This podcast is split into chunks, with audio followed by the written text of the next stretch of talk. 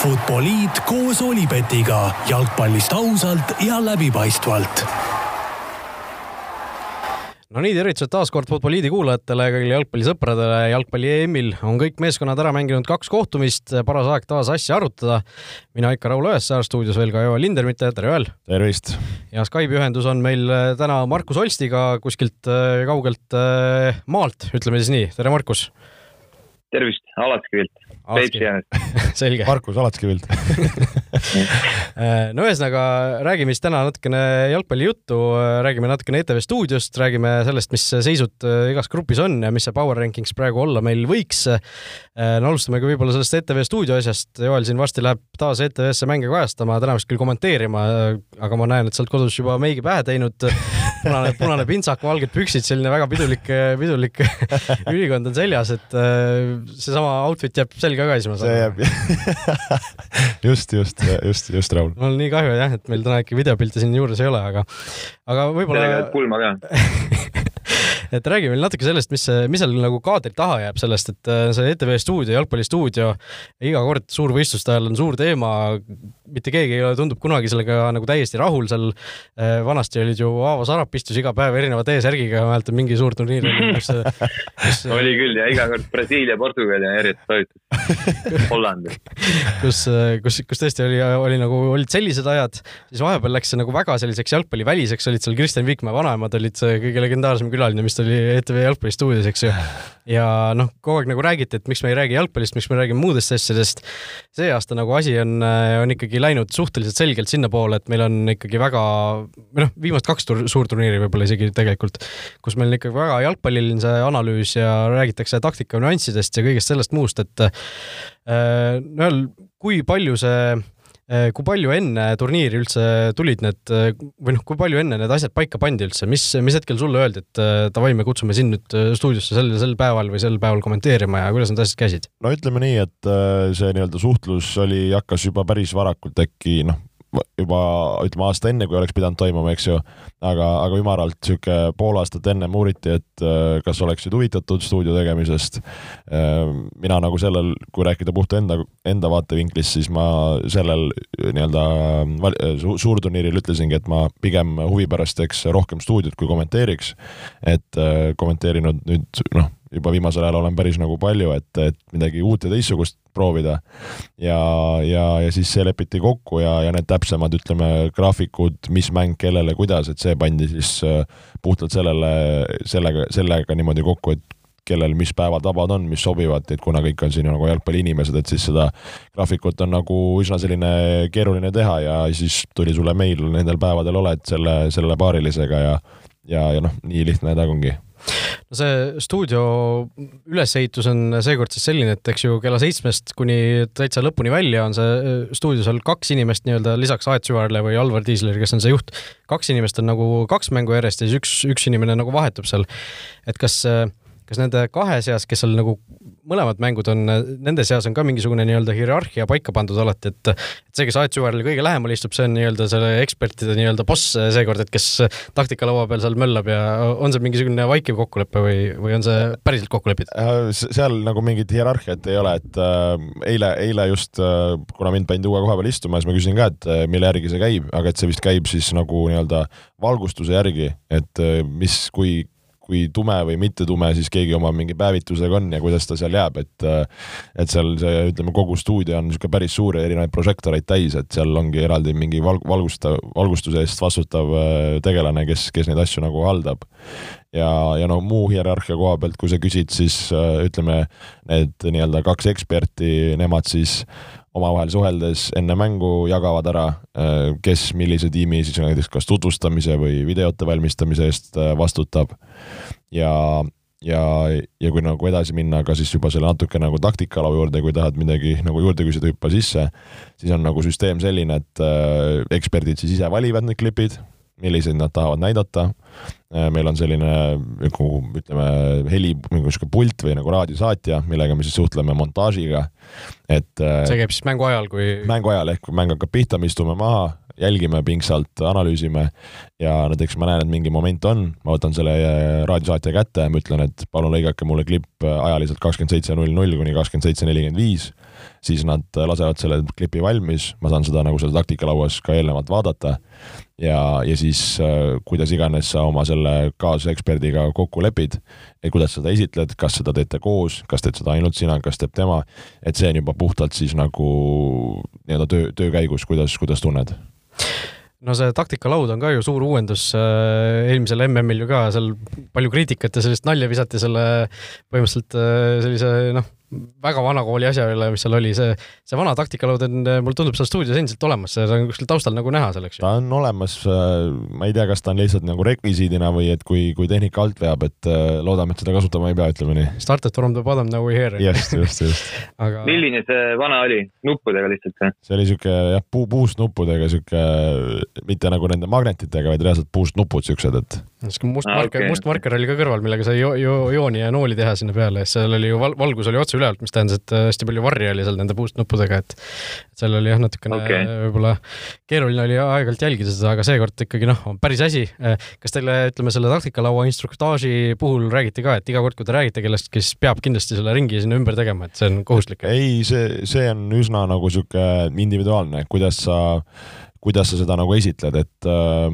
et äh, kui sa küsid nagu selle ringi kohta, et see ongi, ma arvan, nagu omaette oskus selle taktikalaua puhul ja, ja ka tegelikult ka väljakutse, ma ütleks, et äh, kuidas teha see, see olukord, mis võib-olla meile kui ekspertidele tundub nagu arusaadav ja, ja võib-olla nagu tavapärane, et kuidas see nagu viia võimalikult arusaadavalt ja, ja lihtsalt nii-öelda televaatajani, et ta mõistaks seda momenti, et kas see ongi siis ringikeste tegemine, et tuua välja mõni mäng ja on see nooled, et, äh, et, et ütleme, et see on nagu üsna selline väljakutsuv ja, ja, ja selle koha pealt äh, ei, nagu ei taha nagu liiga keeruliseks asja ajada, aga samas isiklikult ma tunnen, et, et äh, just on nagu huvitav ka võib-olla siukseid natuke peenemaid detaile välja tuua, et ma loodan, et ma ei ole võib-olla liiga keeruliseks seal Eesti, Eesti inimeste päid ajanud, et, et, et, et, et kui sa tõid ka välja, et nagu nüüd tehakse nagu jalka ja päris asja, siis ma isiklikult, mul on väga hea meel, et me teeme nagu stuudios, me räägime jalkast, me räägime taktikast, me räägime nüanssidest, detailidest, mis ja nagu toome neid ka vaatajate, nii et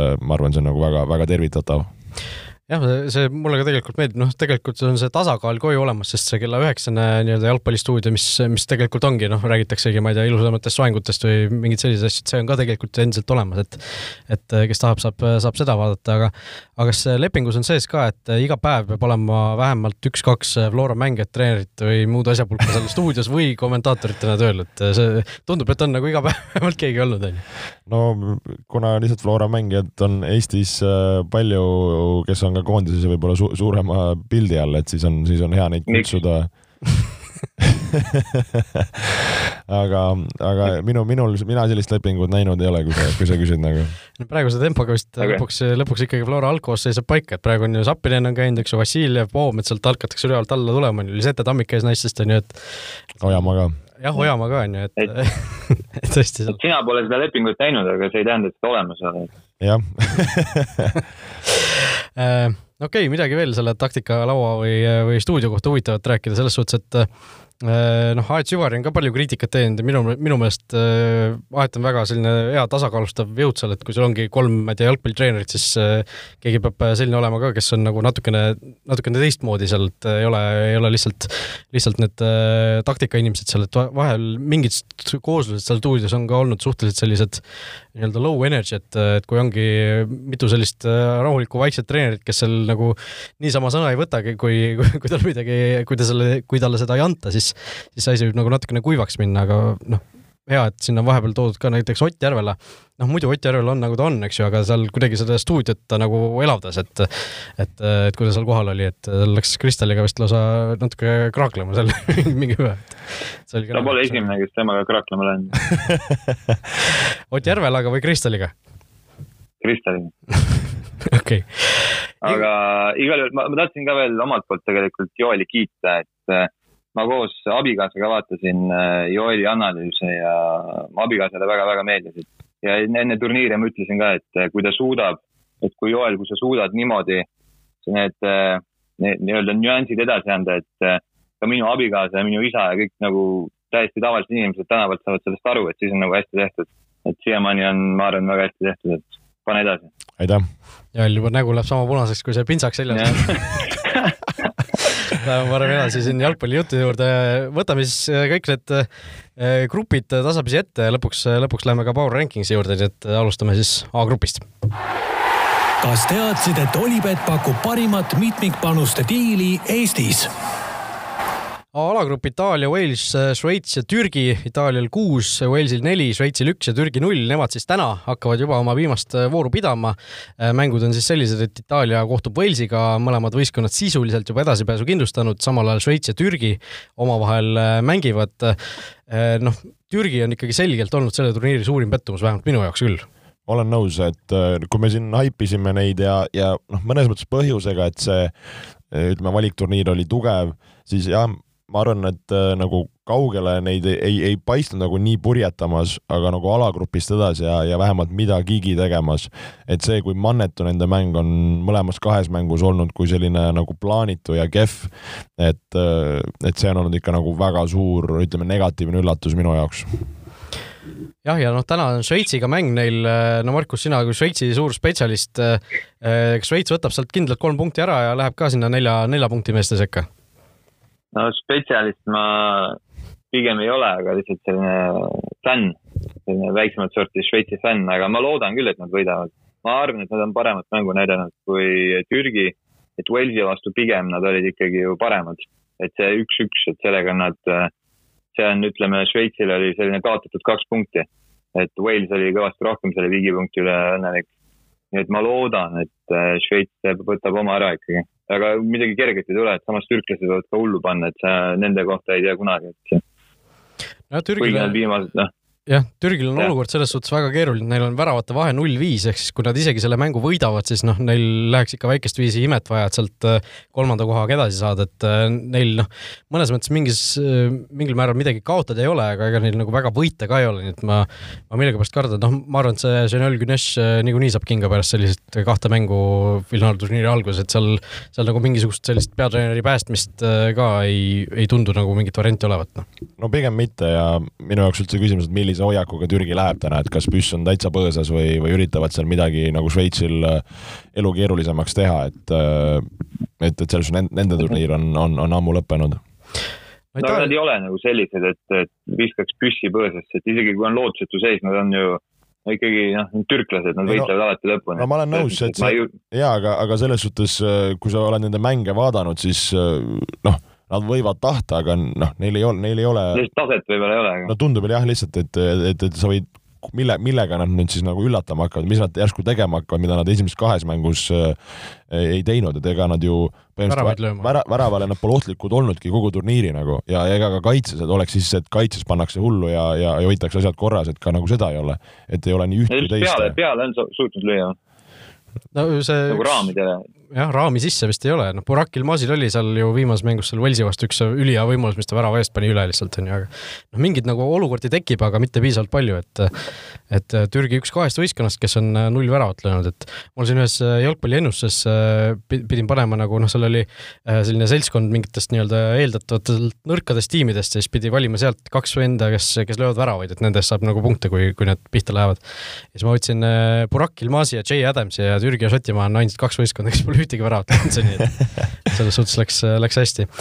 Itaaliast ka paar sõna, ikkagi äh, kaks väga kindlat võitu, aga noh, siin eelmises saates ka arutasime, et äh, no kurja, et äkki liiga vara, liiga head või? no mina olen äh, Itaalia, ütleme, selles suhtes rongi peal väga jõuliselt, et äh, et nüüd on minu jaoks küsimus, nagu ma ka siin ühes saates rääkisin, et äh, need kaks esimest mängu on nad näidanud, ma arvan, kogu, kui me hiljem jõuame ka power ranking'u juurde, minu jaoks on nad näidanud EM-i parimat jalgpalli. Äh, kõige siukest. olen nõus. siukest nagu mängu ilu mõttes, siukse ladusat mängu ja nad on olnud veenvad, nad on olnud väga veenvad, et ei ole olnud ka see, et nad ainult ründavad ja taga käriseb, neil on olnud ka taga väga hästi paigas. et äh, kas see on see, et on need nagu vastased neile sobinud, on need vastased olnud nagu kehvad aga, aga, aga ma nagu huviga ootan, et milline on see tänane nende, nende Velsi mängu nagu selline hoiak, et kui nad seal panevad ka kolm, kaks, null, et, et need siis see nagu niisugune nagu see enesekindlus ja asi, mis, mis neid nagu kannab, võib olla nagu päris vinge.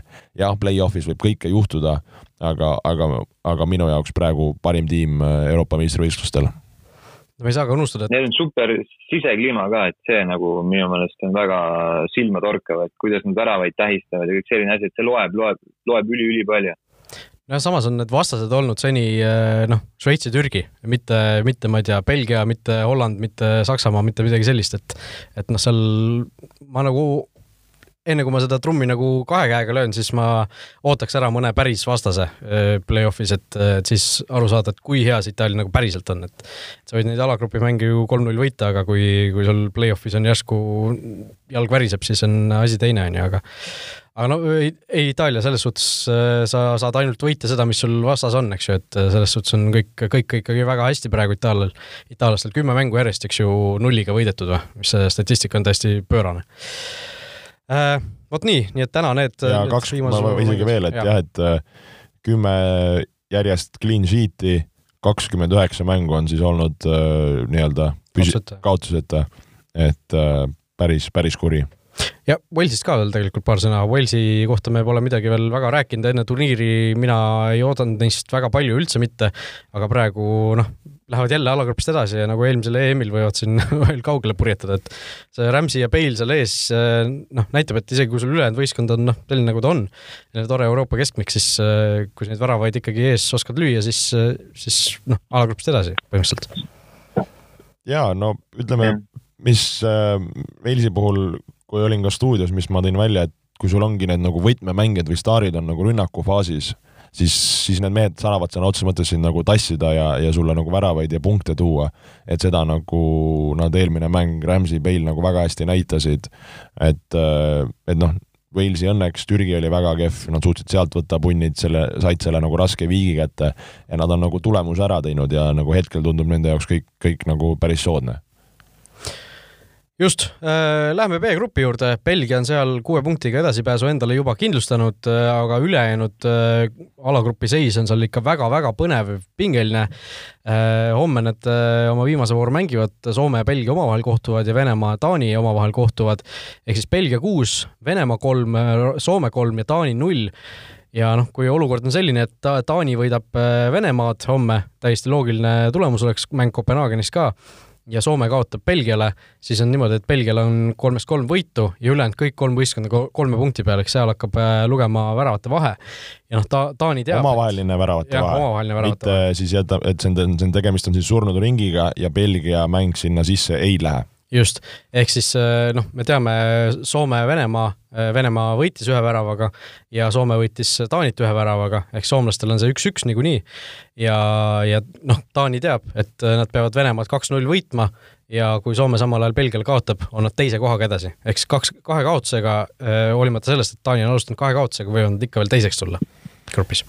ja, ja tegelikult see ju Taani puhul nagu on, on nagu reaalne, et äh, Taani mäng Belgia vastu mulle väga meeldis, et ähm, no eks seal oli nagu kõike, et seal oli kodupublik, seal oli see Ericssoni taust, äh, kõik see sinna juurde ja mis andis niisuguse lisaenergia.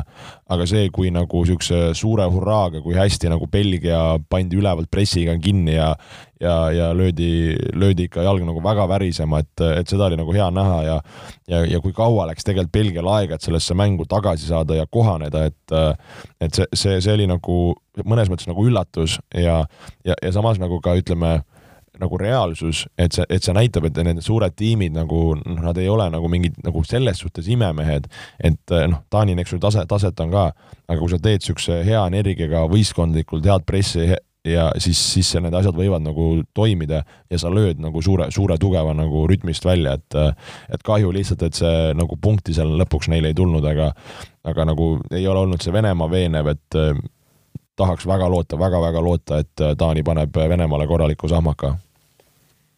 ise loodan sama ja mulle meeldis tegelikult Taani mäng Soome vastu ka, kuni selle e-, Ericssoni äh, nii-öelda hetkeni, et tegelikult ja et äh, Taani ju, Soomes on nagu üldse vastu, nagu üldse, üldse, üldse, et seal löödi klaariti ka ja taanlased kohe võtsid palli omadesse ja kohe uuesti. nagu väga raskelt said isegi üle, üle, üle poole platsi. Et seal oli jah, Taani nagu väga-väga hästi mängis. aga noh, ilmselgelt siis see Ericssoni moment, et ma ei kujuta ette, kuidas nad üldse nagu lõpuni suutsid selle mängu mängida, et see nagu jah, suur respekt selle eest jah, ja isegi koos selle Ericssoni momendiga ju Soome, Soome-Taani mängus Soome tegi ju kogu mängu peal, tegigi ainult ühe peallöögi, eks ju. et see, see ka näitas. ega seal pärast ole samamoodi, kui Taani oli ju surus ja surus ja surus see pendla.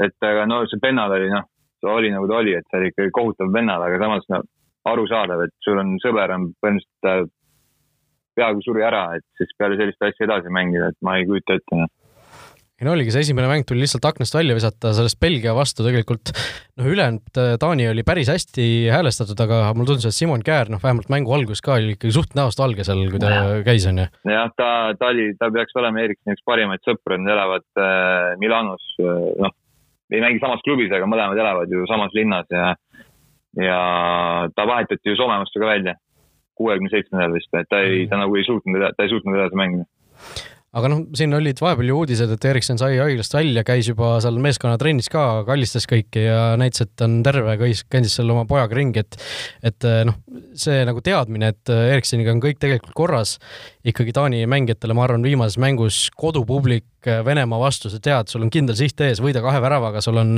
sul on asi peaks olema suht korras. et ma arvan, et seal, seal võib tulevärki näha, no arvestades seda ka, et Venemaa on ikka suht kehv olnud tegelikult ma usun küll ja ma loodan, ma loodan, et see Venemaa tõmmatakse ribadeks täiesti.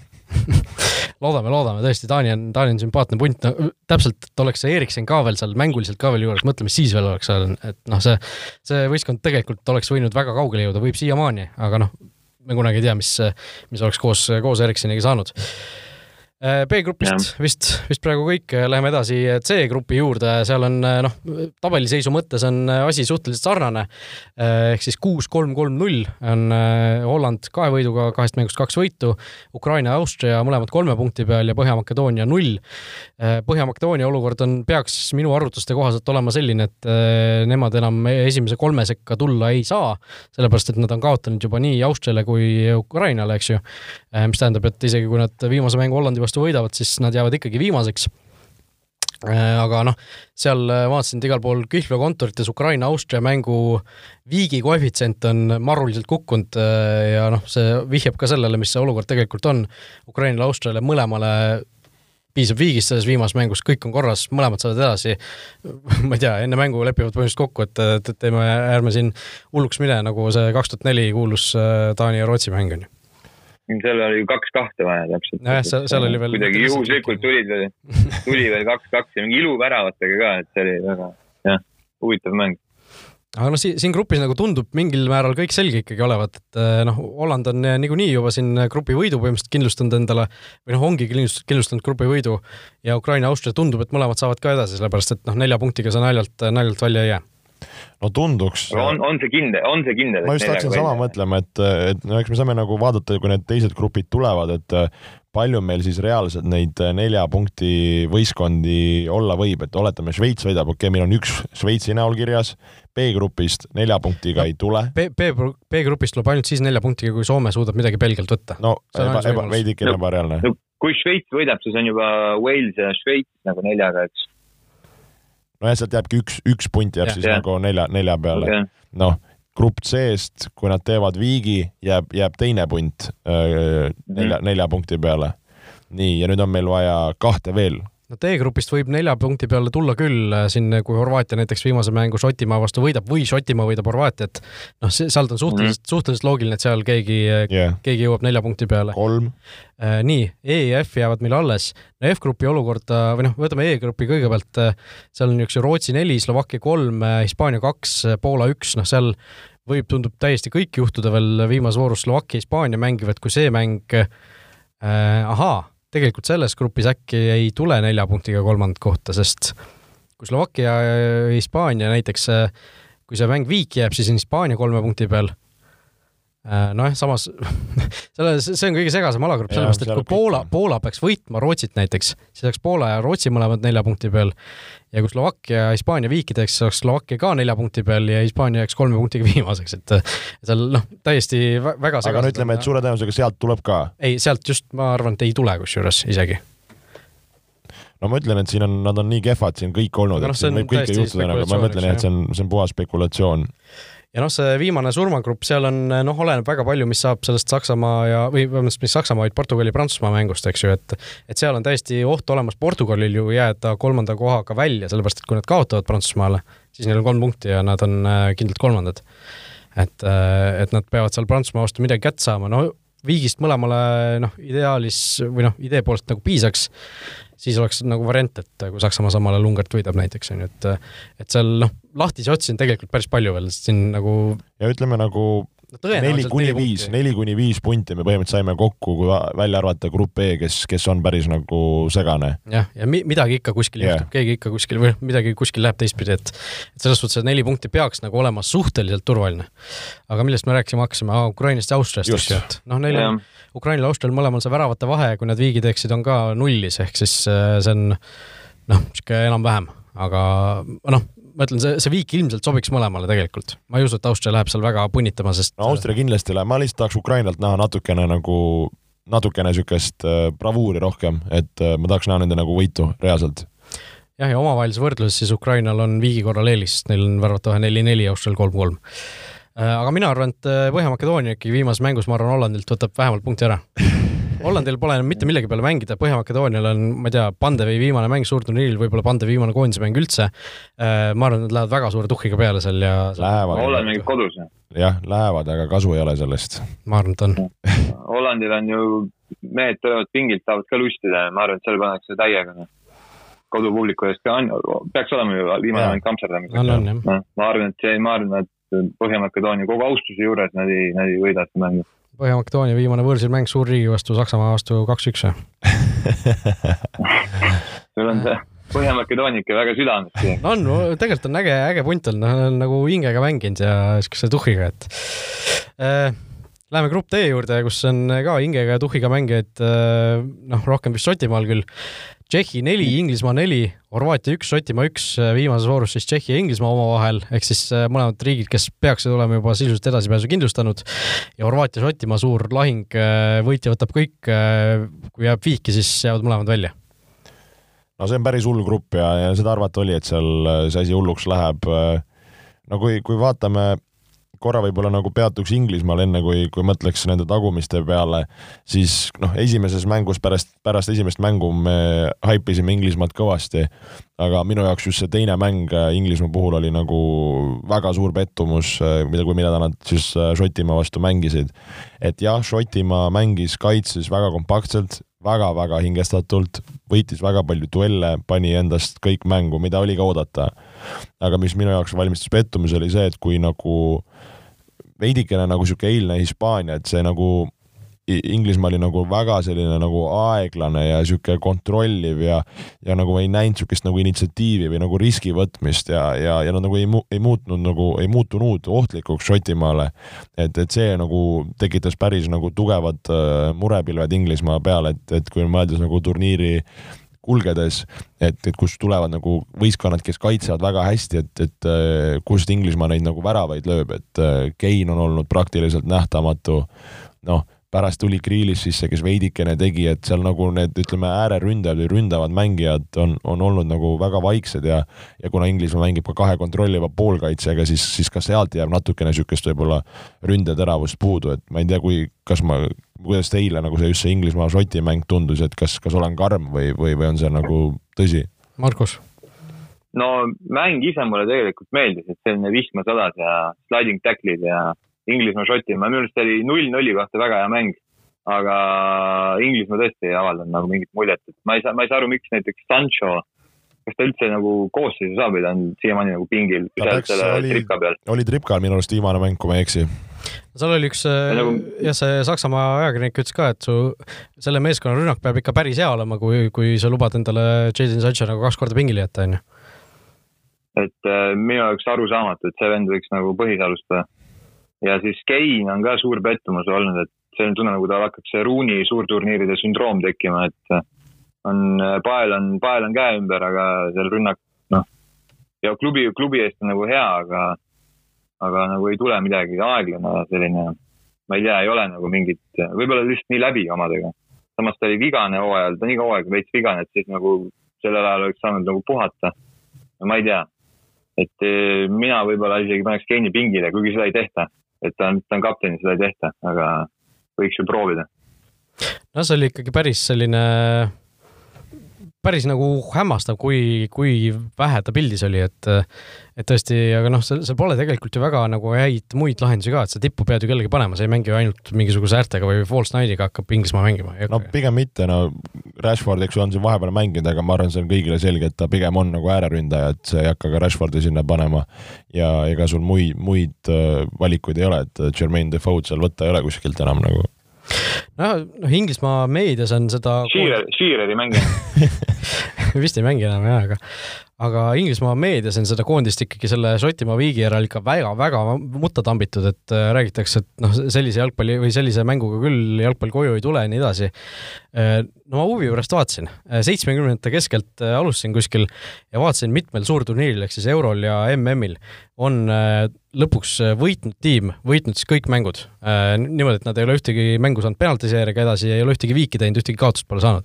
üheksakümmend kaheksa Prantsusmaa üheksakümmend kaheksa Prantsusmaa läks penaltitega edasi mingist mängust äh, aa ah, ja Itaalia vastu läks küll jah. mitu, mitu võitjat siis ütleme alates seitsekümmend neli, see on siis seitsekümmend neli, seitsekümmend kuus, seitsekümmend kaheksa, noh, see on mingi peaaegu kakskümmend suurturniiri, mitu, mitu võitjat on niimoodi, kes on kõik mängud võitnud?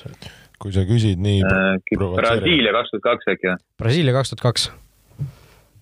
ja see on punkt, see on punkt, rohkem ei ole neid äh, okay.. et äh, või oota, ei, see oli vist Hispaania äkki kaks tuhat kaheksa või?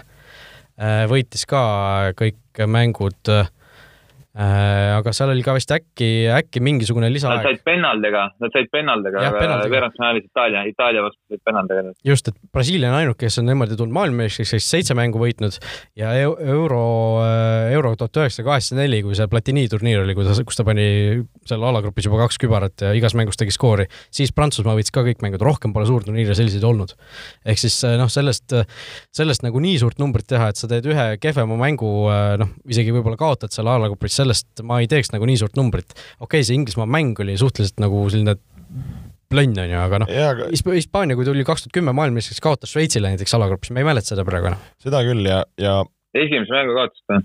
no oli vist jah, esimene või teine mäng, no igatahes Esi, nagu... esimene mäng oli, esimene mäng null-üks.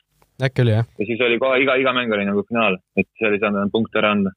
aga nagu jah, kui ma seda mängu vaatasin ka, siis ma mõtlesingi, et okei okay,, Inglismaal ei tule mängu aga samas selle ühe punktiga nad noh, kindlustasid endale edasipääsu ja nagu sa ütlesidki, et nagu alati ei pea kõiki võtma, et siin tuleb mõnes mõttes nagu tulemust teha. et kui järgmine mäng ollakse jälle paremad, siis nagu pole viga, lihtsalt nagu inglastel, ma arvan, oli see eriti valus selle koha pealt, et see oli nagu Inglismaa, Šotimaa ja seal noh, on nagu uhkus ja kõik see on seal nagu korda, korda viis, eks noh, samas ma arvan, et nad ei tahtnud nagu eelkõige seda mängu ka kaotada, et, et see viik on nagu selles suhtes okei okay tulemus, et nad saavad ka kontrollida seda, mis, mis koha nad seal algrupis lõpuks saavad, noh, me teame, et see algrupi võitja läheb ju selle surmagrupi teise kohaga vastamisi, et see annab võib-olla mingisuguse valikuvõimaluse vähemalt viimaseks vooruks, et iseasi, kas nad tahavad seda kasutada või mitte, aga lihtsalt nad jätavad nagu endale nii palju noh, neid valikuid lihtsalt, et et ma arvan, et see, see tegelikult ei olnud nagu nii halb tulemus, kui see võib-olla mingil määral tundub, et noh aga noh, Šotimaast rääkida, Šotimaa oli tegelikult äge, noh, Billy Gilmore, kes esimest mängu ei alustanud, sai man of the match'i siin, Gilmore'i kohta toodi ka välja, et esimene Premier League'i mäng, mis ta tegi Premier League'i debüüdil, man of the match, esimene FA karika mäng, man of the match, esimene meistrite liiga mäng, man of the match, esimene Euroopa liiga mäng või see äh, Euroopa meistrivõistluste äh, noh, kõik siis algkoosseisu mängud, man of the match, et päris, päris hea saldo, ütleme. Pole paha, pange vend peale, noh täpselt ja, ja tõesti see Šotimaa mäng oli nagu päris, päris kihvt ja töötas hästi, nii et ma, mul on äh, lootused on kõrged nende osas selle viimase Horvaatia mängu eel, et nad võiksid ikkagi selle mängu võita ja edasi saada, sest Horvaatiat mina juba enne turniiri ennustasin välja langejaks, nii et et äh, oleks minu jaoks ka Horvaatiaga ma panin väga mööda, et ma nagu ei arvanud, et nii kehvad.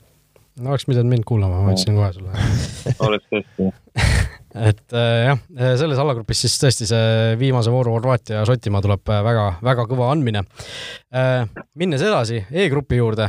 oota, ma korra e praegu peatan su kinni, et kui ongi, et kui Horvaatia ja Šotimaa viimane mäng, eks? just mm. -hmm. kui Šoti võidab, siis eks ju nemad on nelja punni peal mm. -hmm.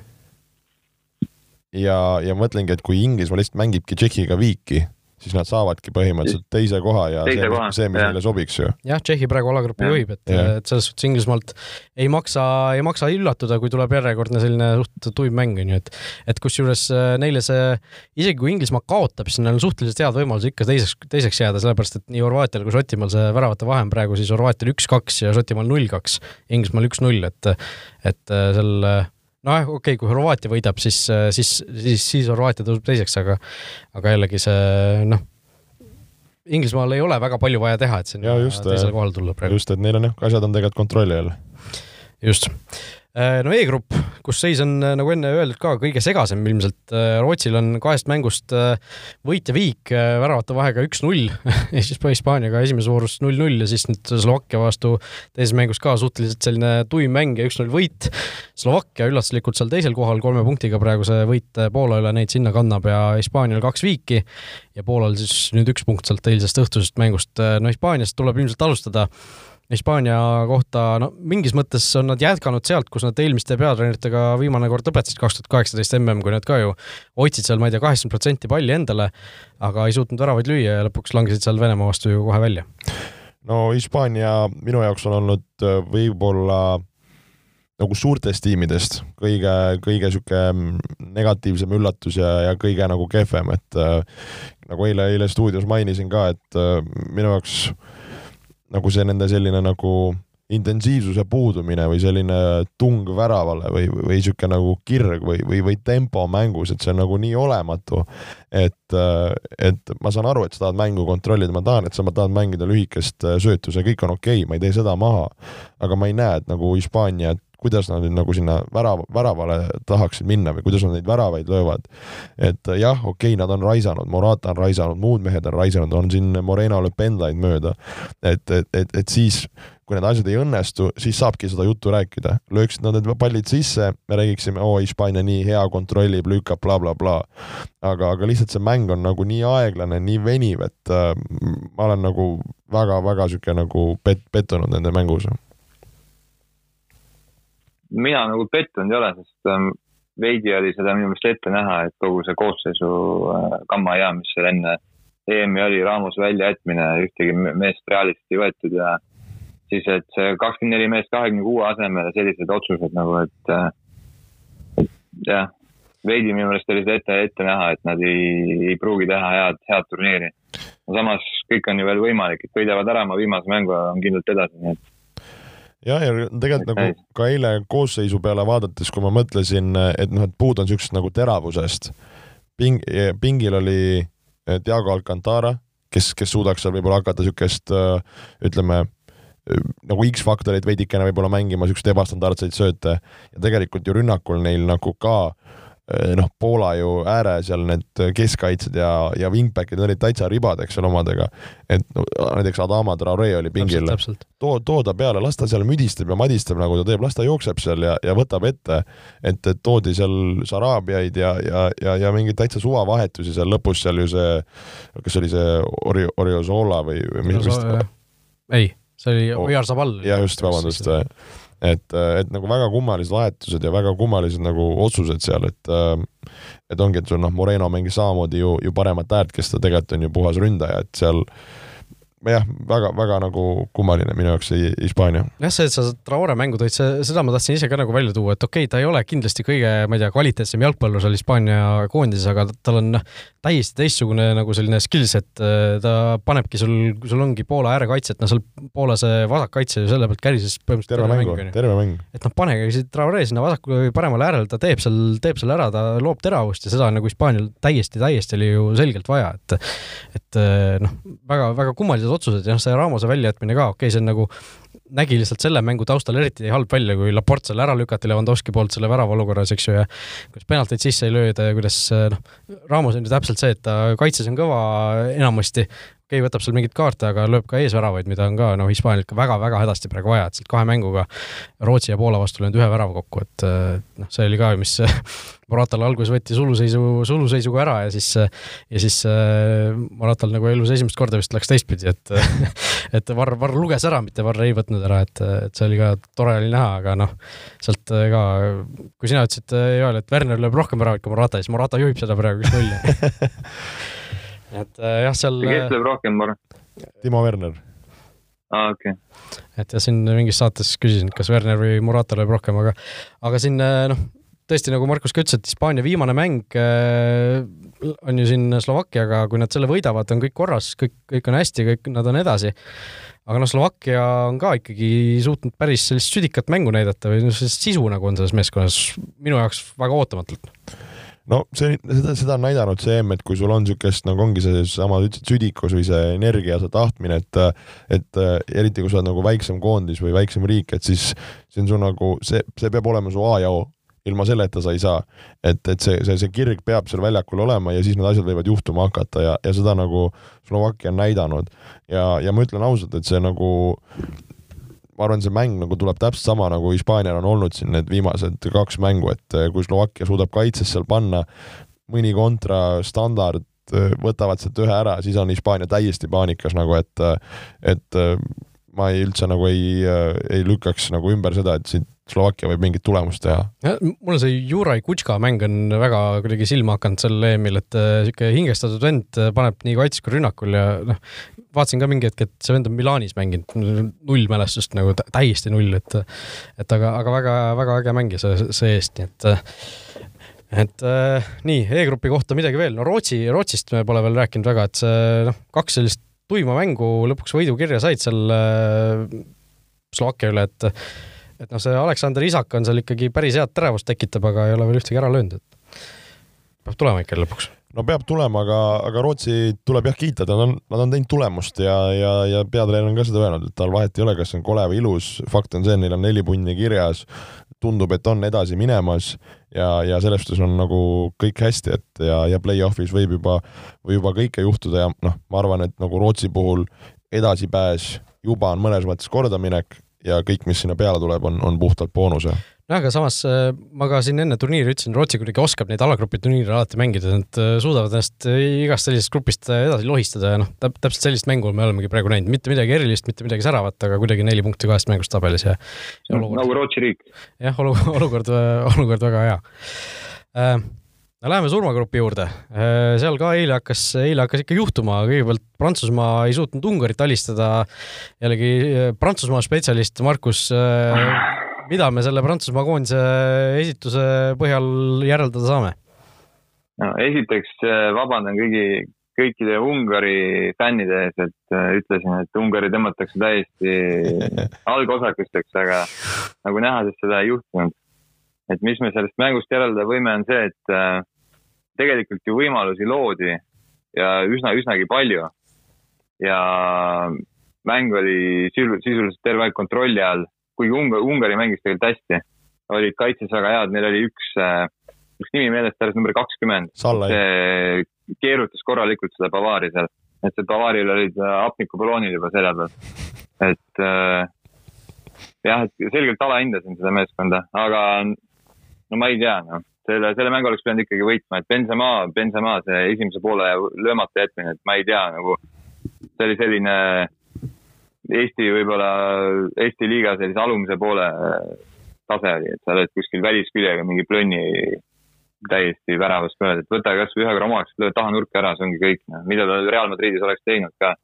et tal ju klassi on, aga et see oli selline šokeeriv eksimus tema poolt kas äh, oled jõudnud täna ka meediat lugeda, kas Benzema on seal äh, nagu võetud kuidagi luubi alla, ei luubi alla või, või, või seal kuidagi kurjalt ette ka? no otseselt äh, veidi olen lugenud otseselt tema kohta midagi ei olnud, ma lugesin eile kohe peale mängu, et oli selline väike analüüs, et äh, ja küsimus, et kas prantslased üldse suudavad mängida sellises positsioonis, kus nemad peavadki valdama enam seda palli ja olema see pool, kes nagu muugib lahti. et äh, me oleme näinud, et Prantsusmaa on väga-väga hea siis, kui on äh, pigem vaja teha selliseid kontrarünnakuid ja sellised kiired üleminekud, et neil on ju vastav eduriigi selleks olemas, Mbappe läheb lihtsalt ja niimoodi nad mängisid ka kogu MM-i sisuliselt. noh, võib-olla grupifaasis mitte, et seal oli ka, oli jälle see muukimise asi, aga see, aga ei läinud ka kergelt neil MM-il grupifaasis, sest Austraalia ja Peruga väga-väga rasked mängud, Taaniga null-null samamoodi aga siis, kui tulid sellised meeskonnad, kes hakkavad ise ka ründama, nagu Argentiina äh,, Uruguay, siis oli äh, poolfinaal oli Belgia vastu, kes tegelikult Belgia terve mäng oli üritavam pool ja Prantsusmaa mängiski sisuliselt kontra peale. et äh, see, see on mäng, mis Prantsusmaale sobib ja mis, milles nad on head. ja siis oligi nagu küsimus, et kas äh, nad üldse suudavad mängida niimoodi, et äh, kui vastas on mingi väiksem meeskond, et kas et nad, nad, nad, nad ei suuda nagu lahti muukida neid väikseid meeskondi nii hästi. Ja see on, ja see on hea tähelepanek, sest ma ise, ise nagu seda mängu kommenteerides mõtlesin ka, et äh, ma ei tea, kas äh, et noh, ma nüüd niimoodi ei ole nagu Prantsusmaad analüüsinud, et äh, et, et mis need nüüd nagu ütleme, see muster või need käigud on või, või kui palju seal Deschamps on nagu andnud neid, neid võimalusi. et noh, mida me näeme tegelikult kogu selle EM-i puhul, millest me oleme ka veidikene rääkinud, et kui see vastane mängib niisugust viis-kolm-kahte, siis see, ütleme, see väljaku keskosa on nii-nii hästi ära mehitatud, kui sa seda hästi mängid ja, ja töötad, et sealt sa nagu läbi kombineerida on ülimalt keeruline. ja nüüd on siis teine variant, et sa hakkad nagu läbi ääre muukima, kus sul peab siis olema nagu väga hea teravus või väga hea tsenderduse jalaga vend. Et, et tegelikult ju nagu ja need momendid, noh, mis tekkisid, need olidki niisuguste noh, kui, kui, kui nagu Ungari pakkus neile ruumi, aga tegelikult me ei näinud ju Prantsusmaad väga tsenderdamas, nagu siukseid, no ütleme, kvaliteetseid palle kvaliteetsel meestel, et seal nagu üks oli see Dinje, Dini äh, tsenderdus Mbappé'le. jah, aga oli, oli, oli, oli, aga mõtlen, kas nagu ja. sa paned Pape peale neid tsenderdusi, et kas, kas see on nagu päris äh, see nagu plaan, mis, mis nagu tassib, eks ju? see ei tassi, et see, seal ees võiks olla selline suur target mees nagu Giroud näiteks ja. et äh, vaatame, ma, mina, ma loodaks näha teda algkoosseisus Benzema asemel, et Benzema on nüüd kaks mängu saanud ja tegelikult ka kontrollmängudes, et ta noh, pole siiamaani väravat löönud, Giroud sai korra platsile, oli kohe kaks tükki. vaatame, ma, mina prooviks äh, Giroud ja mis mulle nagu Prantsusmaa poolt nagu see nagu sihuke taktikalise poole pealt nagu jäi silma, et eks ju nad mängivad, ütleme sellist noh, ütleme neli kas kolm-kolme või neli-üks-kahte, et olenevalt, kus see Kriismann on, et kas ta on nagu äärel või ta mängib kümne peal, et selles mängus ta praktiliselt mängis nagu parem äär ja siis olid Benzema ja Pape üleval. et siis nagu Rabiot, Pogba, Kante siis kordamööda käivad seal nagu üleval, et äh, et, et ja siis nagu, nagu äärekaitsjad peaksid seda väljaku nagu laiust andma ja, ja teravust tegema, et seal nagu noh, Pavard ei, ei suutnud seda teravust tekitada, Din-, Dinje natukene nagu oli, suutis neid palle nagu kasti viia. Ja Pape, Benzema pigem püsisid sealsamas nagu keskel, et, et kus oli juba kompaktne ja Kriismann võib-olla käis, kust me nägime ta neid selliseid nagu pikki džippe ja kaarpalle, et kohe, kui tegelikult, kui ju Dembele mängu tuli ja nagu ütleme, oli niisugune nagu ütleme, ääreründaja või äärepooliku stiilis mängija, siis tegelikult see nagu mäng muutus ja seda teravust oli ju kordades rohkem või, või kuidas, Markus, sina nagu seda nagu, just niisugust nagu teravuse minu meelest äh, tuli hästi sisse, Dembele tuli hästi sisse, aga kas ta sai vist vigastada või mis ta Tundub nagu uuesti nagu välja võeti, et ma tagareie peale nagu näitas, kui ta oli nagu pingil korra, vähemalt tundus. ja seal oli jah, pärast räägiti ka vist, et jah, mingisugune nii-öelda hakkas pitsitama kuskilt et ta tuli nagu sisse ja põhimõtteliselt esimene olukord, mis ta oli, konksutas selle kohe lajatas posti. et äh, ta on nagu terav kutt ja ta võib, võib teha. aga ma ei tea, mulle Mbappé mäng ka otseselt tegelikult ei meeldinud, et okei okay,, ta andis selle värava söödu, aga nagu ta üritas, äh, noh, ise peabki üritama vahepeal, aga samas, kui sa näed, et sul nagu üldse ei tule ja sa ja koha peal nagu üritad, siis äh, ma ei tea, sööda, sööda kõrvale ära ja proovi mingit muud moodi. ma olen nõus, natukene üle tegi ja tegelikult see lõpus kaotas ja. päris palju ka palli, et äh, et, äh, et jah, niisugust tahtmist oli võib-olla rohkem, kui, kui välja tuli too päev räägime Saksamaast ka natukene, Saksamaa esimene mäng Prantsusmaalt sai, sai tuppa, aga nüüd see Portugaliga kohtumine, mis mina kuskil ennustasin, ennustasin, et jääb null-null, tuli hoopis kogu turniiri seni kõige resultatiivsem mäng. neli-kaks, no sellist action'it oli ikkagi täie raha eest seal ja veel rohkemgi, rohkemgi veel, et aga no Saksamaa lõi nagu neli suht samasugust väravat, leidsid nagu mingisugune nõrga koha Portugalil ja need senderdused, asjad madalalt pallid ära võtta toimisid nagu ülihästi tegelikult. No kui, no ei saaks öelda, sa natuke tegid liiga Saksamaale, et sai tuppa, nagu see kõlaks nagu, et oleks väga nüüd pahasti olnud, et see mäng Prantsusmaaga üks, üks-null, üks-null oma värav ei no, no ütleme, see üks-null oli natukene ikkagi nagu, jättis Saksamaast nagu parema mulje ka, kui tegelikult oli ju, Prants- okay,, Prantsusmaa ikka kontrollis seda küll, aga Saksamaa ei olnud ka paha tegelikult, et, et Saksamaa ei olnud paha, et võib-olla see esimene mäng ja esimese mängu tulemus nagu tekitas sellise tunne, et Saksamaa võib juba maha kirjutada ja kõik on läbi. ka ise oli natukene võib-olla selles süüdi või ise, ise niimoodi mõtlesin. aga, aga aga kui siin äh, Markus lubas, et Ungari võetakse varuosakesteks, siis minu jaoks võeti Portugal nagu eile nagu täiesti, täiesti tükkideks, et see äh, nagu ka stuudios seal mainisin, et äh, minu jaoks oli nagu üllatav, kui nagu kui olematu oli Portugali kaitsestruktuur või, või kaitsetaktika või, või kaitseline plaan, et eh, nagu sa ütlesidki, et nagu kõik sarnased väravad, et ega, ega see ei olnud nagu üllatus, et eh, Saksamaa mängib eh, kõrgete wingback idega, see ei olnud üllatus, et nad mängivad kolme ründajaga. see ei ole üllatus, et Gündogan võib-olla episoodiliselt jõuab sulle kasti nagu ja, ja see, kuidas nendes väravamomentides markeeriti, kuidas see. noh, see Sanchez oma, sa tõid seal stuudios hästi välja ka, et see oli nagu ma ei tea, kui ma oleks treener, ma võtaks kohe välja sellise mehe no tõesti ja siis oli, eks ju, see Rahva Silva seal nagu otsa ja samamoodi, et siis nagu see kaitseliin, et, et äh, kuidas sa nagu noh, nii Semedo kui keskkaitsjad, et kuidas sa nagu positsioneerid, et sellesama momendis ka nagu Semedo oli veidikene kadunud. et, et, et, et, et, et niisugune äh, tunne nagu ei oleks nagu, ma ei tea, võistkonna koosolekul nagu sellele rõhku pööratud, et okei okay,, kuidagi istume kaitses ja siis äkki vaatame, kas saame kontrast minema nagu, et et see oli minu jaoks nagu väga-väga selline kummaline ja, ja, ja Saksamaa mängis nagu kohe niisuguse domineerivalt hea energiaga ja, ja nagu väga ladusalt, mis, mis neil tegelikult on nagu ilusti olemas, et mis võib-olla Saksamaa puhul, noh, okei okay,, Havertz on olnud tegelikult nagu päris, päris hea, ma ütleks, aga noh, Müller teeb niisugust oma asja et Gnabry minu jaoks on veidikene nagu kuidagi varju jäänud, et jah, võib-olla see nagu tipuründaja positsioon ei ole ka tema nagu parim positsioon, aga aga võib-olla tahaks nagu sellelt Saksamaa ülemiselt kolmikult nagu võib-olla rohkem, et siis see mäng oleks neil nagu veelgi parem. sul on see oma agenda, sa saad Wernerit sisse, et Werner ei no lihtsalt, et, et, et see tegelikult see nagu võimekus neil on ju olemas, et äh, ma arvan, nagu Saksamaa oma aktsiaid nagu päris jõuliselt tõstis pärast seda eilset mängu ei, seda kindlasti. Ja noh, Portugali puhul, mis Portugalist äh, veel noh, huvitav oli see, et üks statistikaagentuur siin Gracenote tõi välja siis viimase vooru eel, viimase allgrupi vooru eel mingite tiimide nii-öelda edasipääsu protsendid, ehk siis äh, mis see tõenäosus on, et nad saavad kuueteist parema sekka. Ja Portugali oma oli kuskil üheksakümne protsendi juures, ma mõtlesin, et äh, stopp, et kuidas see nii suur saab olla, et see, see ei ole üldse loogiline, et neil on praegu kolm punkti, viimane mäng Prantsusmaaga, noh, suhteliselt suur tõenäosus, et Prantsusmaa vaatas seda mängu Saksamaaga, Saksamaa ja Portugali vahel, tegi sealt järeldused ja, ja võib selle mängu võita. Ja kui Portugal Prantsusmaale ka kaotab, siis neil on noh, väravate vahe on nullis, kolm punkti seal noh, nullis või miinuses, kusjuures väravate vahe, oleneb kui sult nad kaotavad, et et sellega nad noh, ilmselt ei saa edasi isegi. See oht on olemas, no väga suur mäng, ka nagu tegelikult ka Prantsusmaa peab siin nagu näitama, näitama kvaliteeti no Markus, äh, Prantsusmaa-Portugali mäng, mida, mida, mis seisu pakud või, või mis mängu ootad? no ma ootan nagu alati, ootan Prantsusmaa võitu.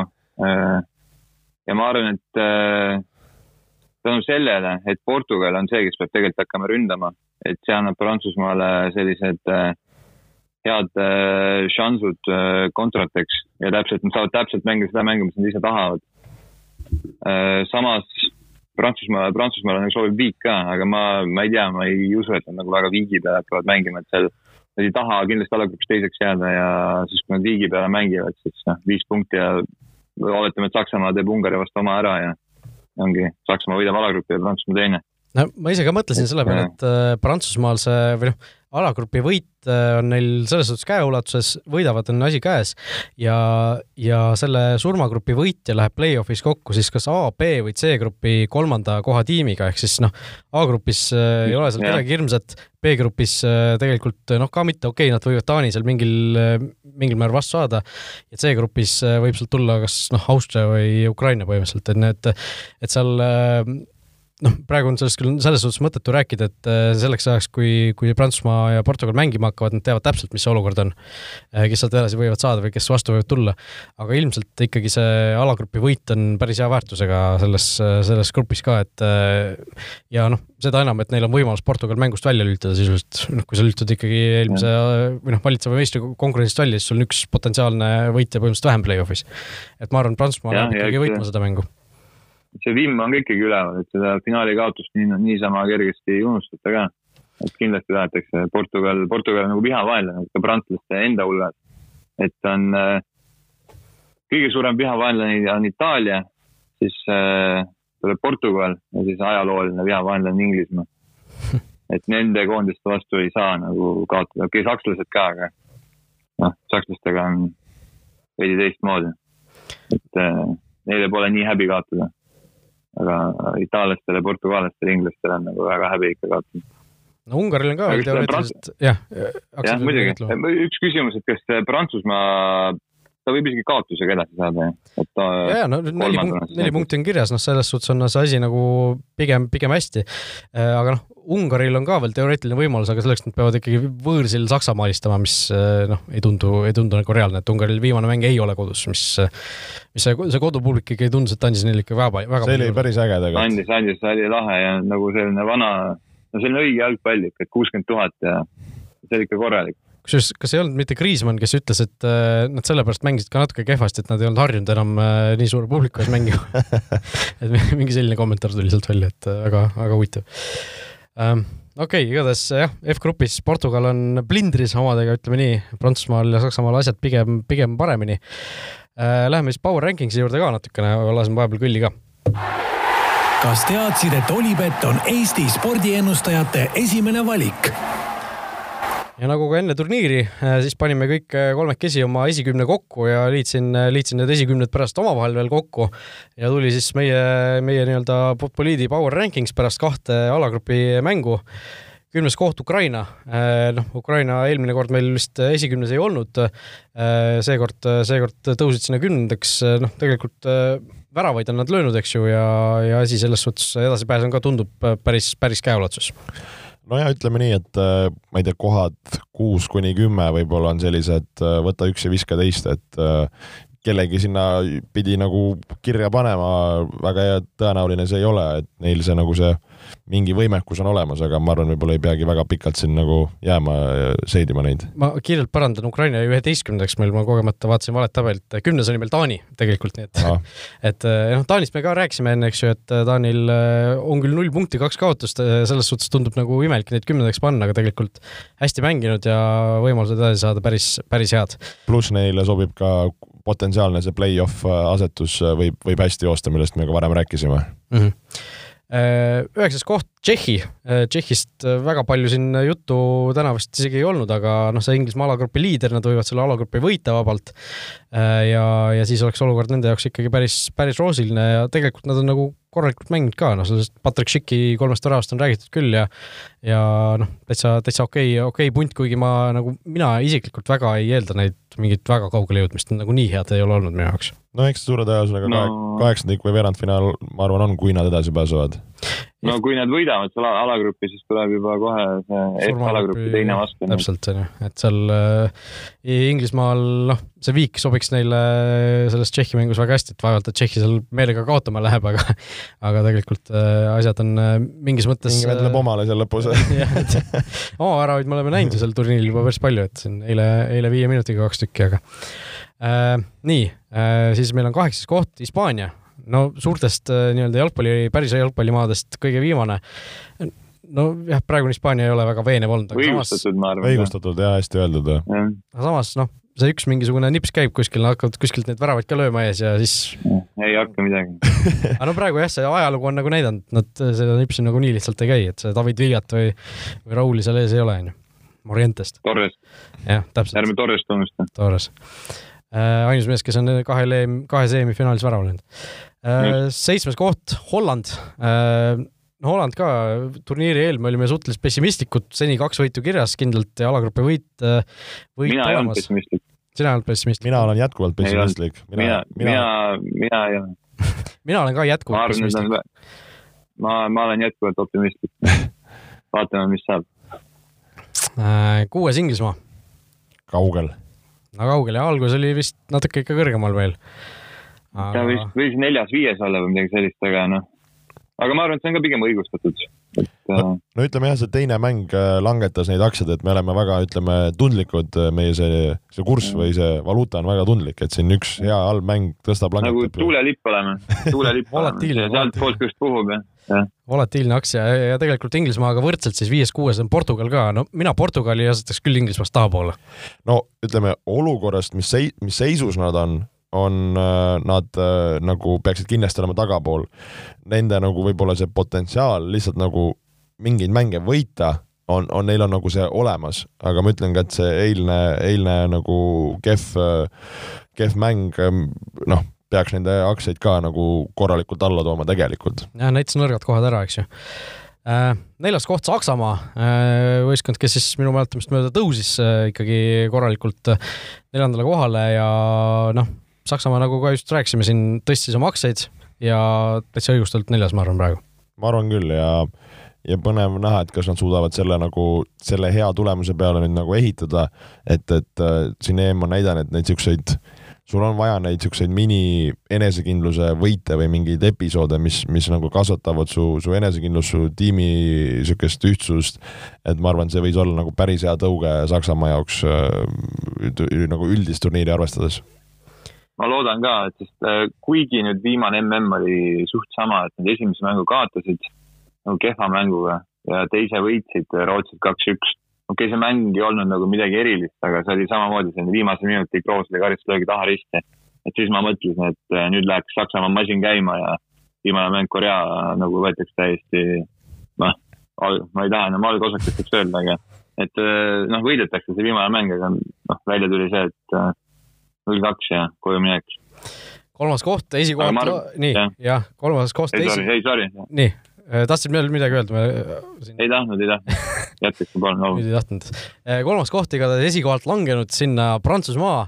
Äh, no Markus, sina panid prantslased jätkuvalt esimeseks, aga nii mina kui Joel panime siis oma, oma tabelis kolmandaks, nii et, et võib-olla me Jooliga peaks seletama, et miks, miks see asi niimoodi on, no ilmselt see Ungari mäng ikkagi näitas, et seal kõik nagu päris nii roosiline ei ole, kui tundub, aga noh, see kuidagi see Prantsusmaa kolmandaks langemine, mina tegin küll seda kuidagi sellise raske südamega mingis mõttes. no see oli raske südamega, ma ütlen, et see ei olnud võib-olla Prantsusmaa langetamine, see teiste, minu jaoks oli see teiste võistkondade siis nii-öelda tõusmine ja, ja teiste võistkondade hea, hea minek oli, oli see, mis, miks, miks minu nii-öelda langes okei okay,, no äh, meil on Olibeti küsimus ka selle Prantsusmaa kohta, nimelt siis äh, jaanilaupäeval, kahekümne kolmandal juunil Portugali ja Prantsusmaa omavaheline mäng tuleb ja küsimus on lihtne, nimeta mängija, kes lööb selles mängus värava. no teeme siin kiire ringi ka, Joel. nimeta mängija, kes lööb värava. kes on? no ma ütlen, võin ka vastata? jaa, muidugi. Griezmann lööb, ma arvan. kes on Guillaume Pape? Pape. ma arvan, et Portugal on siin suhteliselt resultatiivne olnud ja Cristiano Ronaldost mööda ei saa vaadata. No.. Cristiano Ronaldo. Hääldusekspert ütles ka sõna sekka siin. Äh, sada seitse väravat vist või? Sada kuus väravat nüüd kirjas koondise eest. kas ma, kas ma kuulsin õigesti, kuulasin ühte Briti podcast'i, Ronaldo, kui ta sai kolmkümmend mm -hmm. koondise eest, kas oli nelikümmend, nüüd eks ju tuli juurde vist viimase mänguga, põhimõtteliselt kas nüüd ütleme viiskümmend mängu äkki ja viiskümmend kaks väravat siis äkki, plussis jah? jah, et see, see on, see noh, seda on varem ka räägitud tegelikult no selle Ibrahimovitši puhul ka ju, kuidas ta on tegelikult alates kolmekümnendast eluaastast tunduvalt rohkem väravaid löönud kui enne, et ma ei tea, mis nende mingite ründajatega nagu siis toimub, et kas nad saavad nagu noh, ilmselt äh, tegelikult, kui sa oled kakskümmend, siis sa oled ikkagi noh, oled veel noor mängija, alustad on ju, kuigi Ronaldo mängis juba siis päris no Ronaldo puhul Ronaldo ta ei löönud väravaid, vaata. ta ei löönud, aga samas ta mängis ka teist ta oli ääremängija, ta oli täiesti, täiesti teistsugune, täiesti teistsuguse profiiliga mäng, mängija, et nüüd ta on nagu puhas nagu ründaja ikka, enne ta oli ääremees ja tegi selle, võttis ette ja lasi krossi ja andis corner'i isegi. jah, Mourinho tegi tast ju Realis selle number, number üheksa nii-öelda teine koht, äh, Belgia, Belgia koondis äh, oli vist meil eelmine kord ka äkki teine, et nende puhul noh, kaks võitu, aga see Taani vastu tuli nagu natukene üllatavalt raskelt isegi, et mingil määral nagu mingisugused küsimused seal tekkisid, aga samas kahest kaks ja praegu nagu kõik korras tegelikult. kõik korras, miks ma astasin nad Prantsusmaast ettepoole, võin põhjendada, on see, et äh, ma just mõtlesingi, et noh, et Prantsusmaa natukene langetas aktsiaid, võib-olla ei ole nii näljane et Belgia nagu ma tahaks loota või uskuda, et nad on näljased selle, selle karika järele ja, ja seepärast nagu grammikese eespool. võin sulle öelda, et Prantsusmaa on väga-väga näljane. no sul on siin karikad on juba käes ja asjad, et äh, mehed naudivad siin, võidavad koduliigades ja, ja koduklubides ka karikaid ja ei viitsi nad midagi nojah, vaatame ja esikoht Itaalia. Äh, no oli ka minu jaoks oli selline, mina panin Belgia kusjuures esimeseks ja Itaalia teiseks, et ma nagu arvasin, et Belgial pikas plaanis on nagu parem võimalus tiitlile jõuda, aga noh, see Itaalia sellest kahest väga ilusa mänguga saadud võidust on ikka raske mööda vaadata ja noh, teie, teie ikkagi, Joel pani esimeseks ja Markus, Markus, sina panid teiseks, et teil kõik panid nagu top kahte. panin ka teiseks, jah? jah, ei mäleta. kindel ise ei, ei tule küll ette, et ma teiseks nüüd võiks, aga las ta olla. Ei tegelikult nad on hästi mänginud ei, ei ma panin teiseks jah. Et mul eh, endine treener Aivar Tiidus oleks ka kindlasti rahul. et ma nad nii kõrgele panin, et ta on suur Itaalia fänn. No Itaalia, nagu ütlesime, annab siin tormihoiatust, kas see on, tegemist on ainult äh, sobivate vastastega või, või on see midagi, midagi enamat, aga, aga see mäng on ilus, see mäng voolab ja ja, ja, ja äge on sellisele võistkonnale kaasa elada, ütlen nii just nii, igatahes saime oma jutud räägitud täna, aitäh Joel, aitäh Markus, uuesti tagasi oleme millalgi, millalgi uuel nädalal veel, asi, asi on täpsustamisel, millal täpselt. aitäh kõigile kuulajatele ja mis seal siis ikka, ägedaid jalgpallialamusi loodame, et äh, Inglismaa võidab aitäh, head aega! kõike head, olge mõnusad! Vutiviikendi parimad kohvid leiad Olipetist